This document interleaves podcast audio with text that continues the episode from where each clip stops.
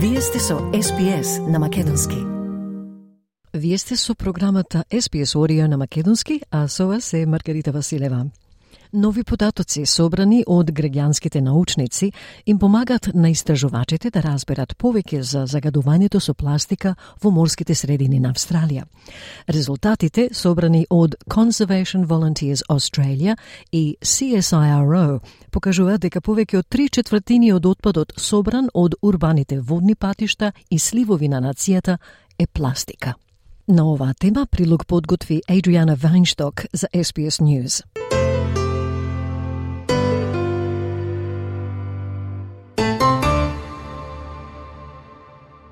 И покрај напорите да се намали употребата на пластика, истражувањата покажаа дека таа се уште е најчестата форма на ѓубре што завршува во морските средини.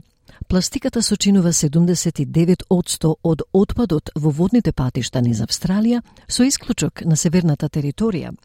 Но се чини дека постепеното укинување на артиклите за еднократна употреба има влијание. Извршниот директор на Conservation Volunteers Australia, Фил Харрисон, објаснува каде е најпотребна акција. Според Харрисон раните политички иницијативи, како што е забраната за пластика за еднократна употреба, ножеви, вилјушки и контейнери за носење, почнуваат да стапуваат на сила и чиј број почнува да се намалува. Но постојат секојдневни предмети што сите ги имаме во нашите домови, вели тој. Пластични шишиња, капачења од шишиња, пластични обвивки за храна, кои се добро вградени во шесте главни предмети за кои што треба да се преземе акција. In some good news, we can see that early policy initiatives such as the ban on single use plastics, such as knives, forks, and takeaway containers, they're starting to take effect because those items are a reducing proportion of the overall. However, there are everyday items that we all have in our homes plastic bottles, bottle caps, plastic food wrappers that are well and truly entrenched in the top five, the top six. That's where we need to take action. Наодите се засноваат на отпадот собран од повеќе од 16.000 луѓе, 150 групи во заедницата и 50 компании во последните три години. Тие се вклучени во собирањето отпад од девет главни урбани водни патишта и сливови кои го хранат големиот корален гребен и јужниот гребен.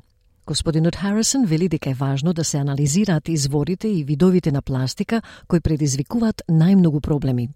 Со помош на заедниците низ Австралија, господинот Харрисон вели собрани се над 400.000 парчиња морски отпад. Направена е анализа за да се разбере од каде доаѓа пластиката, изјави Харрисон. We've worked with communities across Australia and collected over 400,000 pieces of marine debris and we've analysed that. And this is the key point. Data is so important. We need to understand where is the plastic coming from. Анализата откри дека поголемиот дел од пластиката што завршува во водните патишта се обвивки за храна, полистирен, пластични капачиња од шишиња и мали парчиња тврда и мека микропластика. Конзерваторите се загрижени и за догорчињата од цигари кои сочинуваат 9% од вкупното ѓубре што го собираат волонтерите. Господинот Харисон вели дека доволно е само мал дел од тоа за да му наштети на морскиот свет – Истражувањата кажуваат дека само 14 парчиња пластика се доволни за да се убијат желките во морската средина, вели Харрисон. Сите сме ги виделе страшните слики кои го покажуваат ова како што се случува. Вели тој и треба да го запреме. Research tells us that as few as 14 pieces of plastic is sufficient, unfortunately, to kill turtles in the marine environment. We've all seen the dreadful images that show this as it happens. We need to stop that.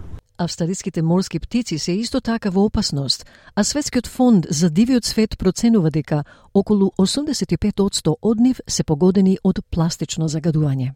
Волонтери низ целата земја учествуваа на првиот светски ден на океанот Down Under на 24 јануари пред меѓународниот настан кој се одржува на 8 јуни.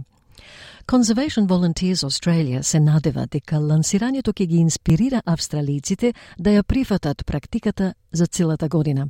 Оваа жена вели дека била мотивирана да учествува бидејќи од прва рака ја видела штетата врз морскиот див свет од загадувањето со пластика.